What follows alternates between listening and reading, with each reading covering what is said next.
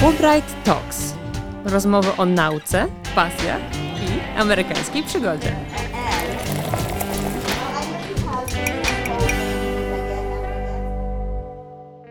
Cześć. Dziś moją gościnią jest doktorka Anna Górska, assistant professor w Akademii Leona Koźmińskiego, która jest dyrektorką Centrum Badań Kobiet i Różnorodności w Organizacjach. Specjalizuje się w zagadnieniach płci i różnorodności w organizacjach i uczelniach. Jest laureatką stypendium Etiuda i Fulbright Junior Research Award. Cześć Ania. Cześć. Dzisiaj taki bardzo też dla mnie ważny temat i dla naszej organizacji, jaką jest Fulbright, dlatego że my bardzo też interesujemy się różnorodnością też bardzo jest ona nam bliska. I jestem bardzo szczęśliwa, że jesteś tutaj dzisiaj z nami. I chciałam się zapytać, w związku z tym, że badasz właśnie tą różnorodność też w uczelniach i w szkolnictwie wyższym, chciałam się zapytać, z jakimi problemami stykają się kobiety w szkolnictwie wyższym? Jak to wygląda? Tak naprawdę kobiety się spotykają z problemami na każdym etapie swojej kariery. Mają bariery zarówno jako badaczki, jako dydaktyczki, jako pracowniczki w kadrze administracyjnej. Także te bariery, one są na wskroś uczelni i wzdłuż i wszerz. Mówimy o szklanych labiryntach, szklanych sufitach. To są przeszkody, które każda z kobiet tak naprawdę może na pewnym etapie swojej kariery spotkać. A czym są te szklane labirynty i szklane sufity? No właśnie, to jest tak, że my lubimy myśleć o uczelniach i o szkolnictwie wyższym jako o takich merytokratycznych, sprawiedliwych organizacjach, gdzie wszystko jest oparte na zasadach uczciwości i sprawiedliwości. No ale rzeczywistość wcale tak nie zawsze wygląda. To nie jest tak, że kobiety mogą, mają dokładnie takie same szanse jak mężczyźni, tak samo jak i w innych organizacjach tak nie jest. Mówimy o na przykład upłciowionych organizacjach, czyli o teorii Gendered Organizations, Joan Acker. I tak naprawdę uczelnie dokładnie tak samo są upłciowione, jak i inne organizacje. Polega to na tym, że kobiety na przykład są gorzej oceniane. Dorobek naukowy jest gorzej oceniany niż dorobek naukowy mężczyzn. Ich studenci gorzej oceniają niż oceniają mężczyzn. Były takie eksperymenty robione, które to pokazywały, gdzie studenci dostawali dosłownie materiały dokładnie takie same, Jedyne, co się różniło, to w materiałach było napisane, kto jest autorem, czy kobieta, czy mężczyzna. Później studenci byli proszeni, żeby ocenili te materiały. Okazywało się, że tam, gdzie autorem była kobieta, wyniki były dużo gorsze i gorzej był oceniany kurs czy program niż, niż tam, gdzie był autorem mężczyzna. To samo tyczy się badań. Takie eksperymenty były przeprowadzane na różnych uczelniach, w różnych państwach. Ja sama przeprowadzałam takie w Europie Środkowo-Wschodniej. No i wyniki cały czas są takie same. Kobiety są gorzej oceniane. Ale to nie jest tylko kwestia tego, jak jesteśmy oceniane, to jest też kwestia szans. Kobiety zdecydowanie dominują w pracy administracyjnej niższego szczebla. Kobiety zajmują się tym tak zwanym departmental household and housekeeping, czyli tą pracą taką administracyjną porządkującą, papierologią tak zwaną, biurokratyczną pracą, która niewiele wnosi do naszej kariery, która niewiele daje nam możliwości rozwoju. Natomiast to też jest piękny przykład szklanych, ruchomych schodów, bo z tych prac administracyjnych, gdzie kobiety dominują, to wciąż mężczyźni awansują na stanowiska wyższe. To wciąż mężczyźni dominują wśród rektorów, to wciąż mężczyźni dominują wśród tego top managementu uczelni, mimo że cały dół jest dominowany przez kobiety. Także to jest przepiękny przykład, jak te szklane, ruchome schody działają w praktyce, w rzeczywistości. To dlatego też właśnie tutaj takie pytanie się pojawia, że ta osoba rektora, prawda, kojarzy nam się z starszym panem, który jest jakby tą głową uczelni. No i tutaj bardzo rzadko widzimy kobiety. Natomiast teraz pojawiło się kilka kobiet jako rektorki i stąd właśnie to, o czym mówisz, stąd to wynika, że znaczy Właśnie z czego to wynika w ogóle? No rzeczywiście zaobserwowaliśmy ostatnio ogromny wzrost, wręcz skokowy wzrost, jeżeli chodzi o liczbę rektorek w polskich uczelniach. W tej chwili jest ich 23, to jest około 10%, natomiast w poprzedniej kadencji to były dosłownie, to było 7 kobiet. No ale ja, ja oczywiście jestem optymistką. Ja uważam, że to jest piękny przykład zmiany i że idziemy w dobrą stronę, ale to też może być przykład tego, że mamy do czynienia ze zjawiskiem tak zwanego szklanego klifu. Czyli w sytuacji, kiedy sytuacja jest, otoczenie, środowisko jest bardzo trudne i jest duża szansa na niepowodzenie, wystawia się kobiety. Na przykład Margaret Thatcher, na przykład Angela Merkel. Wiesz, no ostatni, ostatnia kadencja, ta, która jeszcze trwa, jest bardzo dużym wyzwaniem dla rektorów i dla rektorek.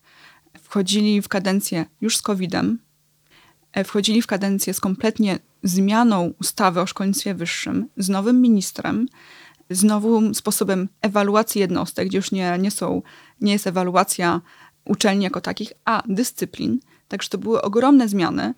No i właśnie może to być przykład tego szklanego klifu. Absolutnie nie ujmując kobietom rektorkom, które były, które są teraz e, u władz. Natomiast to historycznie możemy na to w taki sposób też spojrzeć.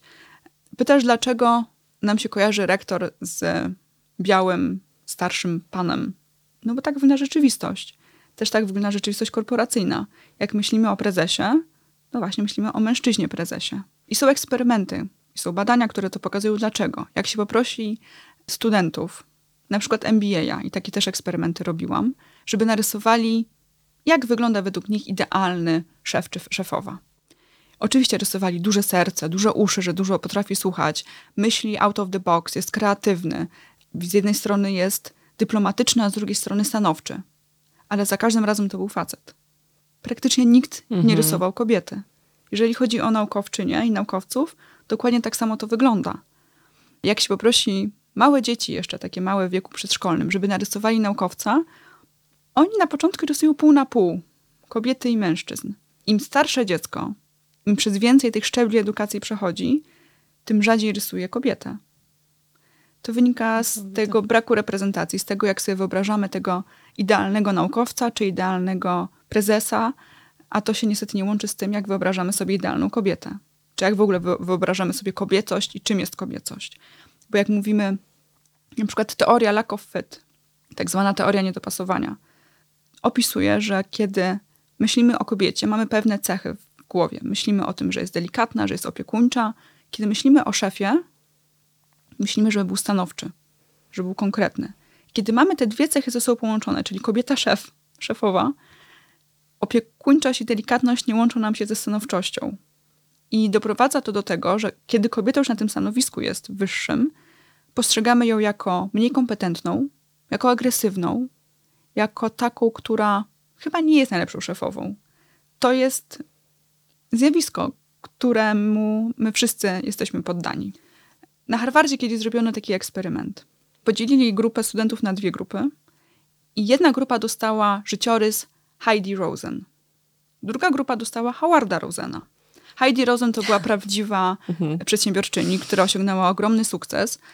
Howard był wymyśloną postacią, miał dokładnie taki sam dorobek, miał taki sam życiorys i poproszono studentów, żeby na podstawie tych życiorysów powiedzieli, co myślał o tej osobie. Czy by chcieli dla niej pracować, czy uważają, że jest fajnym szefem, czy jest fajną osobą. I nagle się okazało, że o ile Howard był opisywany i postrzegany jako super facet, ktoś, z kim chciałbym pracować i nawet bym poszedł na piwo, tak z Heidi, no nie. Na pewno jest wredna, na pewno jest karierowiczka. Po trupach do celu. No bo jak ona mogła osiągnąć taki sukces, będąc normalną osobą? U Howarda nikt o tym w ogóle nie dyskutował. I to jest właśnie ten przepiękny przykład praktyczny, jak ten lack of fit, teoria braku dopasowania działa w rzeczywistości. I to samo w szkolnictwie wyższym. Spotkałam się kilka razy z taką sytuacją, nawet to może ja anegdotę opowiem, że byłam kiedyś u koleżanki i ona miała książeczkę i w tej książeczce pokazywała swojemu dziecku jakby zawody, jakie są, tak? No i był pan, właśnie pan doktor, tak? Był, e, była pani pielęgniarka, no bo pan pielęgniarz to dziwnie, prawda? że tak powiem. No i był pan hydraulik. I było pani hydrauliczka, co było ciekawe. No i ta koleżanka, słuchajcie, skomentowała, że hydrauliczka? Ale przecież nie ma czegoś takiego. Nie ma takiego zawodu. Jak można być hydrauliczką? O matko, to za głupia książka. I pamiętam, że wtedy było to dla mnie jak takie uderzenie. Pomyślałam sobie, jejku, jak w głowach po prostu naprawdę młodych ludzi, bo była to koleżanka, która jest młoda, dalej są takie bardzo silne stereotypy. I tak pomyślałam sobie o uczelniach i faktycznie tutaj bardzo widać, jak to, jak, jak mamy doktorów, ale właśnie doktorek na przykład nie mamy, nie mówimy doktorka. I właśnie jak to jest z tymi feminatywami w uczelniach wyższych, jak to wygląda? Mhm. Jeżeli chodzi o te stereotypy, ja tutaj nie chcę powiedzieć, że wszyscy jesteśmy z natury seksistami i wszyscy im podlegamy, ale to rzeczywiście trochę jest tak, że one są dookoła nas i one nie są obojętne. I takim pierwszym krokiem, który możemy zrobić, to jest po pierwsze zdawać sobie z tego sprawę, bo to nie jest tak, że ja już kompletnie nie popadam w ten e, bias i skrzywienie i jestem wolna od tych stereotypów. One są, ale musimy sobie z tego zdawać sprawę i czasem wziąć ten krok do tyłu i pomyśleć, dobra, czy ja bym też tak oceniła tą osobę, czy tą kobietę, gdyby była mężczyzną. czy też bym tak oceniła mężczyznę, gdyby on był kobietą, bo to działa w dwie strony. Tak? Bo też nie akceptujemy mężczyzn, którzy są, mają określone cechy. Są zbyt delikatni, zbyt wrażliwi, zbyt demokratyczni na przykład. I też możemy wtedy gorzej oceniać, bo ten lack of fit, ten brak dopasowania, on działa w obie strony. Także znowu nie chcę powiedzieć, że jesteśmy wszyscy seksistami. Ale kiedy zadawałam, robiłam badanie i zadawałam wprost ludziom pytanie, co uwa czy uważa, że kobiety są gorszymi szefowami, szefowymi niż mężczyźni, ludzie mówili nie, absolutnie. Ale w sposób podświadomy oceniali kobiety gorzej. Te książeczki to jest świetny przykład. Bo to te książki, filmy, muzyka, mhm. kultura, którą się otaczamy, środowisko, którym się otaczamy, to one pogłębiają te stereotypy. One już są zbudowane na podstawie stereotypów, ale one je pogłębiają. No bo skąd może twoja koleżanka w tym przypadku wiedzieć, że nie ma czegoś takiego jak hydrauliczka? Znam, akurat ostatnio robiłam remont i miałam kobietę, która, która zajmowała się tą pracą. Oczywiście musiała mieć kogoś do pomocy, po prostu fizycznie to jest trudna praca, ona siły nie miała, żeby wszystko sama robić, ale miała wiedzę i ona była tego, żeby pomóc mi to zaprojektować akurat wtedy. Feminatywy. No to jest trudny temat.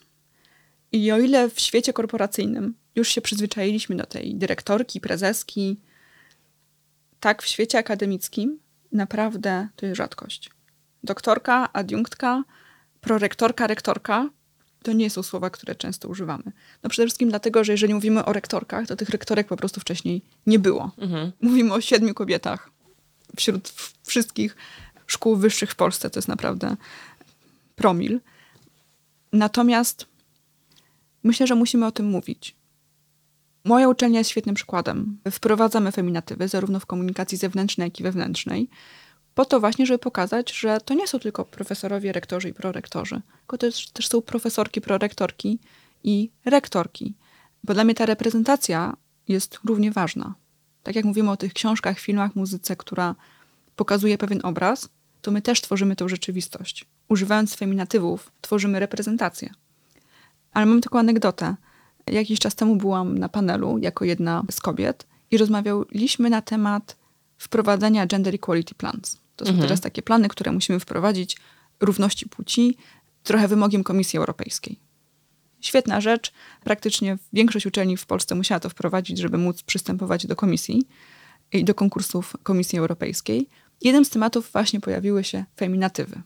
Jeden pan profesor z uporem maniaka zwracał się do nas pani doktor, mhm. pani profesor. A my mówimy, ja bym wolała, żeby pan do mnie mówił pani doktorko, czy pani profesorko, czy pani dyrektorko, bo były różne kobiety na różnych stanowiskach. A on zamiast przyjąć tego e, i tak do nas mówić zgodnie z naszą prośbą, zaczął do nas mówić pani Janiu, pani mhm. Marzenko. Nie potrafił po prostu. Dla niego to była tak duża bariera. Ja w pewnym momencie do niego mhm. też zaczęłam mówić panie, powiedzmy panie Piotrze. I on wtedy zrozumiał, że to jest po prostu fopa, które zrobił, bo w naszym świecie akademickim jednak posługujemy się tytułami, że jesteśmy w takich formalnych, oficjalnych spotkaniach. No ale y, jemu łatwiej było do mnie powiedzieć pani Aniu niż pani doktorko. Po prostu nie przechodziło mu to przez gardło. I kiedyś usłyszałam od pewnej, pewnej kobiety, która pracuje na uczelni, że dla niej to brzmi mniej poważnie, kiedy do niej się mówi pani profesorko. Mhm. I wiecie, i tak naprawdę to nie mówi o tym, że profesorka jest mniej poważna przecież, prawda? Tylko to pokazuje, jak my dewaluujemy wartość kobiet. Bo jeżeli dla nas coś, co jest kobiece, jest mniej poważne, to jest ewidentnie problem w nas. Mhm. Tak? Bo ja nie widzę nic mniej poważnego w profesorce, tak samo jak nie widzę nic mniej poważnego w prezesce czy dyrektorce. No ale to jest jeszcze przed nami długa droga. To jest taka moja mała kontrybucja i ja o to rzeczywiście walczę, żeby posługiwać się feminatywami na co dzień. Mhm. Chociaż nie obrażam się, jeżeli ktoś do mnie powie pani doktor. Jasne. Ale wolę doktorko. Jasne, będę też pamiętać. Ja też czuję to bardzo całą sobą, że te feminatywy są bardzo ważne i też um, ostatnio miałam taką dyskusję na temat gościni również i, i że gościni brzmi tak głupio po prostu, tak, że co to w ogóle znaczy, tak, to była taka dyskusja. Dla mnie to jest super nowe, no, jakby nowe dosyć słowo, tak, bo ja też właśnie, tak jak mówisz, żyjemy w tym, y, w tym gościu, tak, w, tym, w, tym, w tych męskich nazwach. I to było bardzo dla mnie ciekawa ta dyskusja, że po prostu ktoś tak bardzo go to bolało, że po prostu mu dyskusja była na 10 jakichś komentarzy, tak? Bo to się działo w sieci. No, w sieci jest dużo łatwiej komentować też, no to oczywiście wiemy.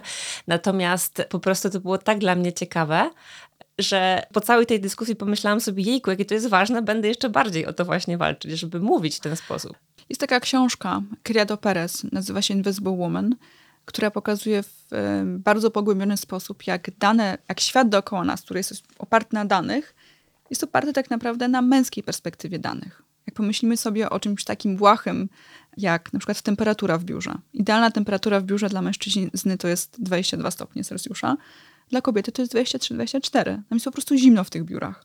Jak pomyślimy sobie, w jaki sposób były projektowane iPhony parę lat temu, nie były testowane na kobiecej dłoni. I dlatego kobiety musiałyśmy sobie kupować takie specjalne haczyki do tych telefonów, żeby móc je złapać. Po prostu nasze dłonie nie były do tego dostosowane, bo defaultowo iPhony były testowane na mężczyznach, czy inne smartfony. Jak się mówi o już takich poważnych tematach, jak na przykład leki, to bardzo długo autyzm u kobiet w ogóle nie był rozpoznawalny, właśnie dlatego, że inaczej on był odbierany u kobiet niż u mężczyzn, a większość badań było przeprowadzanych na mężczyznach. I dlatego autyzm u chłopców jest rozpoznawany już w wieku kilku lat, a u dziewcząt w wieku kilkunastu lat. Także ta nierówność to nie są tylko takie błahe sprawy, jak to, że chcemy powiedzieć sobie feminatywy, czy nie, czy, czy może nie będę awansowała tak szybko w mojej karierze naukowej, czy karierze korporacyjnej, ale to jest czasem też kwestia życia i śmierci.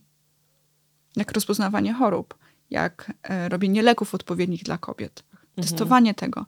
No przez lata defaultowo robiło się to na mężczyznach, bo mężczyzna był tym defaultem w świecie danych które są dookoła nas, które nas otaczają, które mają na nas wpływ. W kontekście teraz takich nowszych technologii, jak myślimy na przykład o AI czy uczeniu maszynowym, okazuje się, że te algorytmy są skrzywione na niekorzyść kobiet. Bo jeżeli większość danych, które dawaliśmy, są męskimi danymi, no to automatycznie nie, nie bierze się pod uwagę kobiet.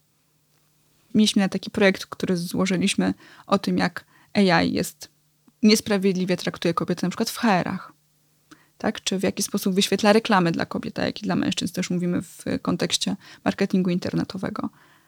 Ale to wszystko, to wszystko się składa na większą całość. To są małe puzzle, które jako pojedyncze mogą nie mieć, nie wydawać się aż tak ważne, ale jak się to połączy w dużą całość, to widzimy, jak ten świat jest po prostu niesprawiedliwy. Jak twoje doświadczenia w akademii? Ja mam to szczęście, że pracuję w Akademii Lona Koźmińskiego, która jest rzeczywiście bardzo progresywna. I ja nigdy nie miałam poczucia, że byłam traktowana nie fair na uczelni, tej konkretnej. Jak jechałam na konferencję, zdarzało mi się usłyszeć e, dziewczynka, zdarzało mi się usłyszeć, że młodziutka, zdarzało mi się usłyszeć nieodpowiednie komentarze w stosunku do mojego wyglądu, czego nie chciałam słuchać, będąc na konferencji naukowej, będąc naukowczynią. Natomiast znam osoby, które tego szczęścia nie miały. Znam osoby, które były molestowane, które doświadczały dyskryminacji, które były nierówno traktowane, których kariery były ograniczone na uczelniach. Prowadzę teraz rozmowy właśnie z kobietami z naszego regionu, z regionu Europy Środkowo-Wschodniej, na temat ich rozwojów karier. I słyszę, jak dużo miały sytuacji, które, których sobie nie zdawały sprawy wtedy, w tamtym czasie, że były po prostu dyskryminacją.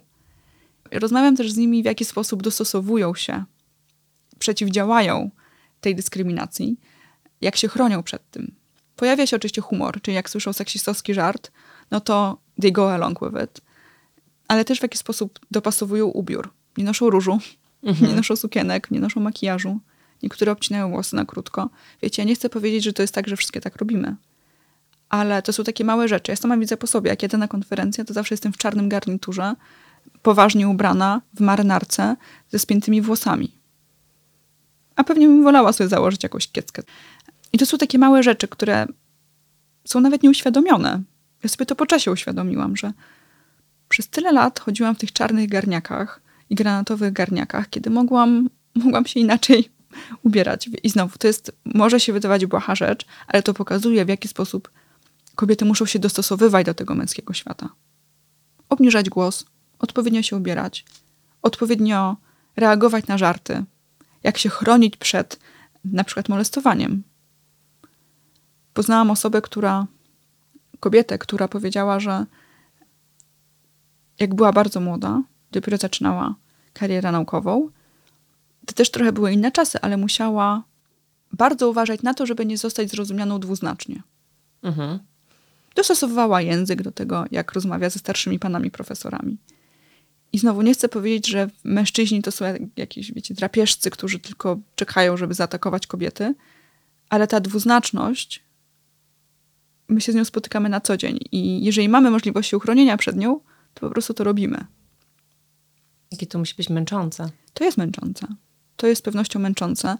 Kiedy rozmawiam z kobietami na bardzo różnych szczeblach kariery w ramach mojego badania, naprawdę sercem się kraje, kiedy słyszę, jak dużo miały sytuacji, gdzie nie czuły się pewnie. Kiedy były sam na sam w gabinecie profesora i nie wiedziały,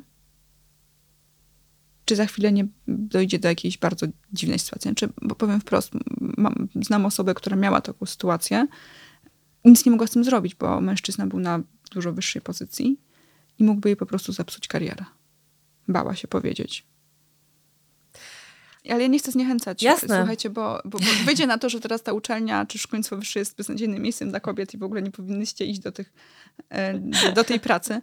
E, no nie, ale musimy sobie zdawać sprawę z tego, że to jest. Trzeba być świadomym, tak? Musimy być świadomi. Też jako męż mężczyźni myślę, że też muszą być świadomi tego, że jak dużo kobiety muszą się dostosować czasem i może sama świadomość tego czasem pomoże mężczyznom lepiej je zrozumieć. Albo trochę e, wręcz wspierać. No właśnie, a czy miałabyś jakieś rekomendacje dla kobiet w akademii w ogóle? Czy miałabyś jakieś rady, żeby po prostu się lepiej czuły? Jeżeli mhm. chodzi o ich różnorodność też, tak? mhm. tak? I o... W moim badaniu badam, jak kobiety budują karierę naukową, w jaki sposób zbudowały ją na przestrzeni lat. Rozmawiam z osobami, kobietami, które osiągnęły duży sukces w akademii. I mam jeden wniosek. Kapitał społeczny. I to, jest, I to jest wniosek, który się powiela też w innych badaniach, też w innych badaniach spoza uczelni i ze świata korporacyjnego, czyli po prostu budowanie networku. Bo może się to wydawać oczywiste, ale badania pokazują, że rzeczywiście im więcej znamy ludzi, im więcej mamy wsparcia, tym łatwiej nam się przebić. Zarówno na rynku pracy, jak i w szkolnictwie wyższym. To, kogo znamy, z kim się kolegujemy, z kim spędzamy czas, kto może nam pomóc, kto może nam doradzić, to są wszystko kluczowe kwestie. Także budujmy ten kapitał społeczny. No ale też badania pokazują, że kobiety rzadziej budują kapitał społeczny niż mężczyźni w taki sposób bardzo w rozumieniu profesjonalnym. Mhm. Czyli boją się go później wykorzystać. Znają dużo osób, mają duży network, ale boją się go wykorzystać później na własne potrzeby, bo traktują to jako coś zbyt cynicznego, one nie chcą być cyniczne. Nie ma nic złego w tym, żeby powiedzieć: Słuchaj, chcę zrobić to i to, czy mi w tym pomożesz? Albo mam w życiu taki i taki cel, czy znasz kogoś, kto mógłby mnie w tym wesprzeć? Nie ma w tym nic złego, także e, budujmy te relacje, które są wartościowe i nie bójmy się ich wykorzystywać na własne potrzeby, nie bójmy się też sobie nawzajem pomagać. Druga kwestia, którą bym na pewno doradziła, to jest marka osobista. Czyli to, z czym się kojarzymy, jaki jest nasze, e, nasz wizerunek, szczególnie jak mówimy o karierze akademickiej, takie jasne zrozumienie, jak my chcemy być postrzegani, z czym my chcemy być kojarzeni, jest bardzo ważne, bo to później sprawia, że jesteśmy zapraszani do projektów badawczych, to później sprawia, że jesteśmy zapraszani do różnych komisji, poznajemy ciekawych ludzi na konferencjach, jesteśmy zapraszani jako keynote speakers i tak dalej, i tak dalej. Takie marka osobista to nie jest oczywiście tylko kwestia tego, żebyśmy byli na ResearchGate, czy na Academia IDU, czy e, na Google Scholarze. Albo LinkedInie. Albo na LinkedInie, tak.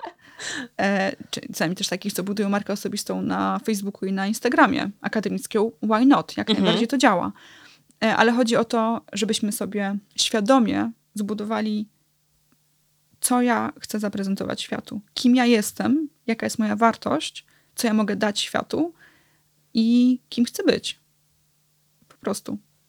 Myślę, że to jest bardzo, w ogóle marka osobista, tak jak o niej mówisz, to jest coś takiego, co um, bo też czasami trudno, trudno się buduje przez to, że właśnie tak mi się wydaje, tak, tak jak ja obserwuję y, sytuację, że kobietom jest trochę ciężej, bo nie są pewne siebie. Wydaje mi się, że one nie bardzo dużo mogą dać światu. Syndrom oszustki to jest coś bardzo powszechnego. Chyba nie znam żadnej kobiety, która by była na uczelni i nie miała w jakimś stopniu tego syndromu oszustki. To, to jest coś, co oczywiście dotyczy też mężczyzn, ale w dużo większym stopniu dotyczy kobiet. Czyli, że nie jesteśmy wystarczająco dobre, czy może niewystarczająco mocno się napracowałyśmy, żeby być tutaj, gdzie jesteśmy, że zaraz coś odkryje, to, że jesteśmy oszustkami, wcale nie jesteśmy takie mądre. To jest coś, co się pojawia bardzo często też w moich badaniach. Ten syndrom oszustki się dosyć wyraźnie zarysowuje w, w wywiadach. Mhm. Że nam się udało, a tak. nie, że osiągnęłyśmy coś. To jest mega, co prawda mega popularne. I teraz się zastanawiam tak naprawdę, bo mówiłaś o tym, o tych rekomendacjach dla kobiet w akademii, a co my możemy tak robić na co dzień? Jak możemy edukować siebie i innych? Czy w ogóle, tak jak mówisz, to jest proces, bardzo długi proces oczywiście, jakby pokazywania tego, że, że kobiety też osiągają sukcesy, że mogą być na wysokich stanowiskach, ale czy są jakieś małe kroki, które możemy podjąć? Nawet, nie wiem, czy, czy z młodszym pokoleniem na przykład? Pokazujmy sylwetki kobiet, które osiągnęły sukces, pokazujmy sylwetki kobiet, które nie osiągnęły sukcesu, jednak nie, nie też nie, nie zafiksowujmy się na tym sukcesie, że to jest jedyna droga, którą musimy osiągnąć. Po prostu pokazujmy różne kobiety. Nie pokazujmy ich jako jednowymiarowe postaci, tak jak często były pokazywane w filmach, tylko pokazujmy tę, tą różnorodność wśród kobiet. No właśnie, bo jak mówimy często o kobietach versus mężczyznach, to zapominamy o tej różnorodności. Kobiety też się między sobą różnią, my mhm. się różnimy. Pokazujmy tę różnorodność wśród kobiet. Edukujmy, mówmy o tych skrzywieniach, mówmy o tych bajasach, mówmy o tym, że te niesprawiedliwości wciąż istnieją. No właśnie, bo chyba najtrudniejsze jest to, że mało kto w Polsce zdaje sobie sprawę, jak duże są nierówności. Mało kto w Polsce w ogóle o tym myśli i rozmawia. Ten mit merytokracji ma się bardzo dobrze u nas. Te neoliberalne mechanizmy na zasadzie ocena pracownicza, która jest przecież neutralna, czy nastawienie na efektywność, temu bardzo sprzyja. Zakłada to, że wszyscy mamy dokładnie takie same szanse, ale to nie jest tak, bo kobiety są inaczej postrzegane. E, nie zapominajmy też o tym, że kobiety mają dodatkową pracę administracyjną w większym wymiarze godzin niż mężczyźni. Kobiety często dużo więcej uczą niż mężczyźni. I to tworzy te wąskie gardła. Czyli jak patrzymy na to, że mamy dużo doktorantek, trochę mniej doktorek już, ale to wąskie gardło przede wszystkim się robi na etapie habilitacji, profesury. Musimy sobie zdawać sprawę, z czego to wynika dlaczego mamy przewagę doktorantek, a później mamy tak mało profesorek.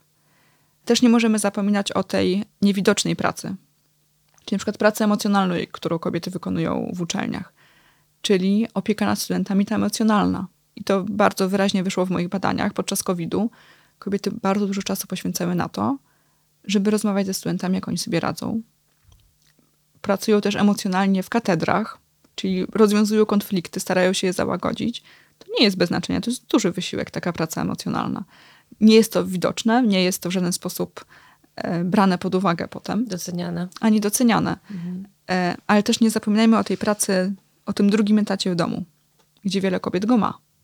Gdzie wiele kobiet e, ma pracę, ma pracę opiekuńczą nad dziećmi, nad rodziną, nad osobami starszymi, nad domem, czego mężczyźni nie mają. I to też świetnie wyszło w moich badaniach, które zrobiliśmy w zespole podczas COVID-u. I okazało się, że kobiety i mężczyźni zupełnie inaczej odczuwali COVID. Zupełnie inaczej doświadczali pracy podczas COVID-u, pracy w domu podczas tej pierwszej fali, pierwszej drugiej fali. Okazało się, że o ile kobiety mówiły, ja na nic nie mam czasu, ja robię wyłącznie to, co muszę robić, moje badania idą na boczny tor, muszę się zająć domem, muszę się zająć dziećmi, muszę być teraz nie tylko naukowczynią czy dydaktyczką, ale też nauczycielką, wychowawczynią, kucharką, bo trzeba się zająć domem. Wszyscy są w domu, ja się muszę tym zająć. Ale na szczęście moja praca jest na tyle elastyczna na uczelni, że mogę sobie na to pozwolić. Mężczyźni mówili, moja praca nie jest na tyle elastyczna, nie mogę sobie na to pozwolić. Mhm. Ja się zamykam w swoim domowym biurze i pracuję do oporu, bo muszę. Bo nie mogę sobie pozwolić na to, żeby teraz oderwać się od mojej pracy podkreślam, mają dokładnie taką samą pracę. Także ta praca domowa, nie oszukujmy się, to też nie jest obojętny czynnik, który, który jednak wpływa na rozwój karier. Dokładnie o to chciałam Cię zapytać. Właśnie czytałam Twój artykuł Forbes na ten temat, czyli przegrane pandemii i właśnie dlaczego kobiety bardziej odczują te skutki koronawirusa niż mężczyźni. I jest to niesamowite, o czym mówisz właśnie, że, że faktycznie kobiety mają jeszcze dodatkowy dom, często jeszcze angażują się w jakieś dodatkowe sprawy. Oczywiście są dzieci, które wychowują. E, oczywiście wraz z mężczyznami, ale tak jak mówisz, mężczyźni są mniej elastyczni, tak jak wyniknęło z Twoich badań. Ale tak mówimy, że wraz z mhm. mężczyznami, to mężczyźni często mają tą funkcję pomagamy. Dokładnie, pomagania, tak. E, a kobiety są project managerkami tego domu. I oczywiście znam multum rodzin, gdzie jest związek partnerski, gdzie to jest naprawdę wyrównane, super. Pewnie w dużych miastach jest tego coraz więcej. No ale nie zapominajmy o tym, że tak nie wygląda średnia po prostu i nie zapominajmy o tym, że to oczekiwanie jest jednak przerzucono na kobietę. I to kobiety są mimo wszystko project managerkami tego domu. Umówmy się, jaka to jest ogromna praca i wysiłek emocjonalny, żeby to wszystko zaplanować też. Żeby powiedzieć mężczyźnie, słuchaj, to ty dzisiaj zrób to. I ogarnianie tego po prostu jest nie tylko fizyczne, ale też psychicznym obciążeniem.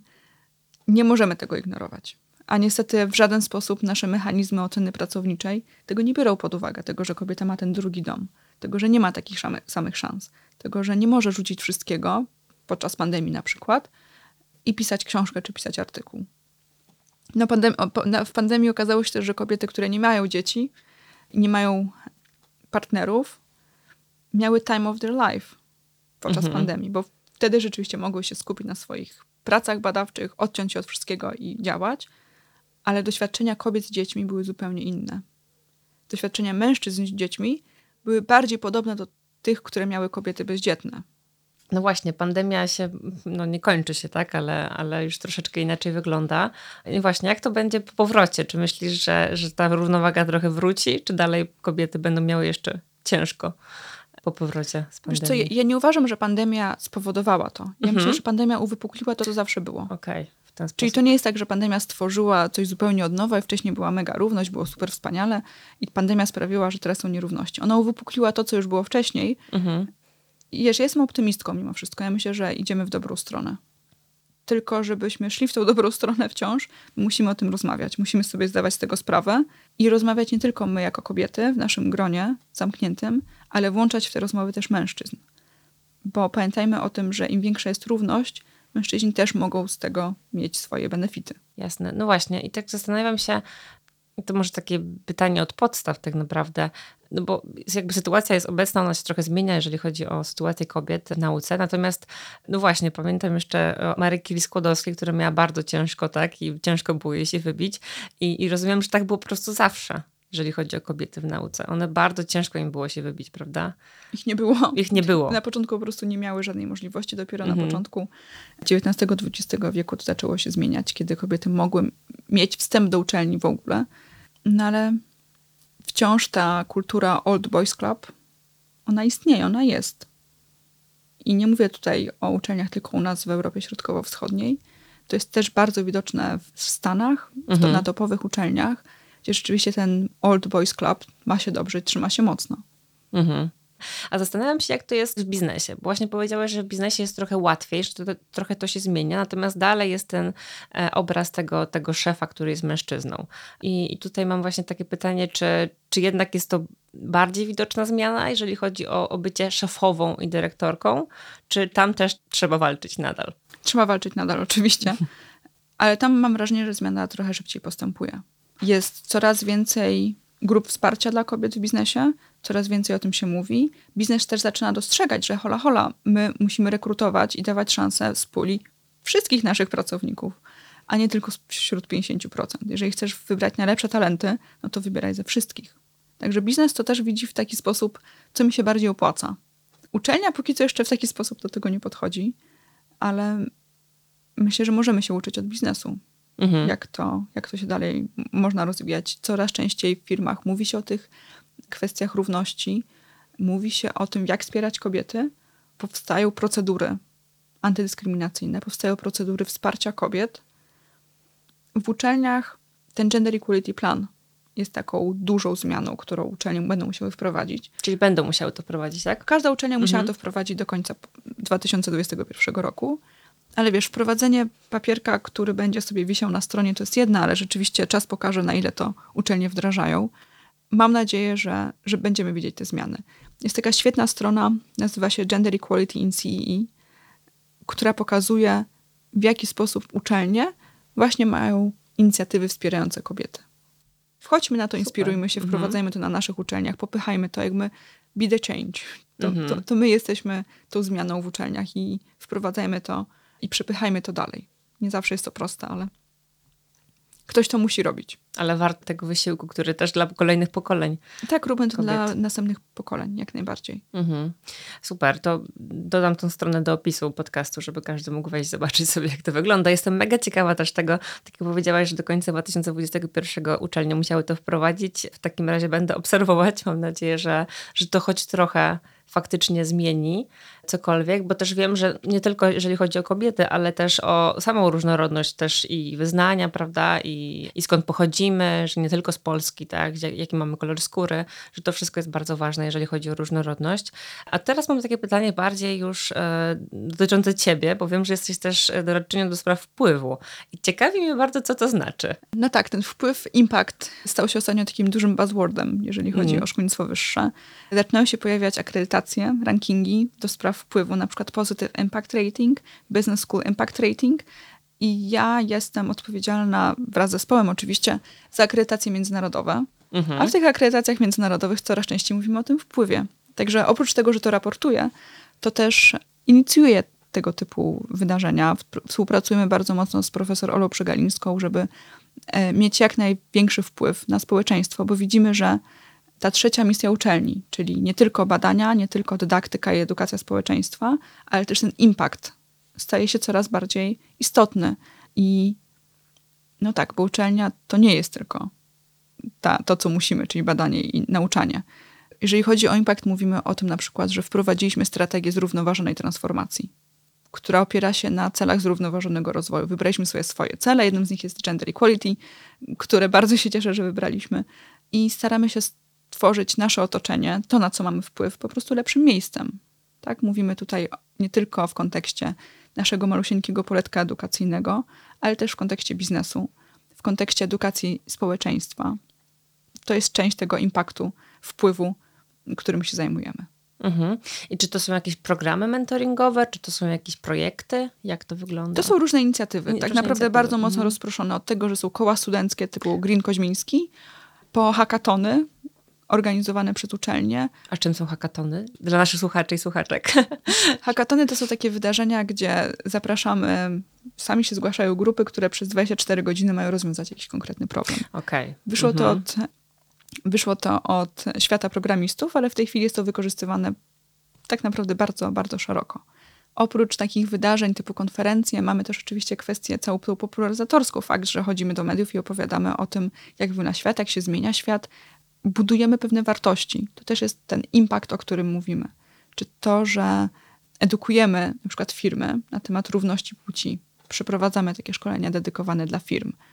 To jest wszystko element impaktu, który jest bardzo, bardzo szerokim słowem, tak jak mówię, trochę buzzword ostatnio, ale myślę, że uczelnie coraz bardziej widzą swoją rolę właśnie w tym zakresie tej trzeciej misji. Mhm czyli tego, tego wpływu na. Tak, nie ukrywam, że na pewno akredytacje, rankingi trochę popychają uczenie w, ten, w, to, w tą stronę, żeby e, po prostu muszą to mieć, no ale z korzyścią dla nas wszystkich.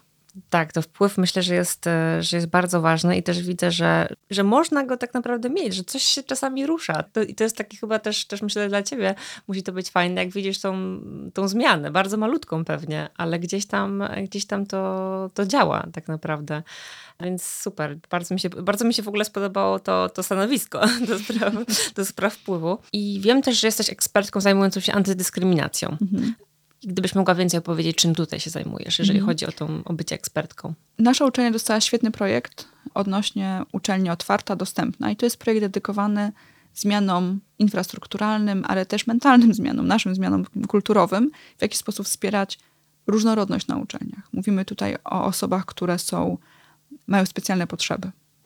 Są niedowidzące, niedosłyszące, czy poruszają się na wózkach, mają po prostu specjalne potrzeby i, ta, i ten projekt ma za zadanie lepiej dostosować uczelnie do ich potrzeb.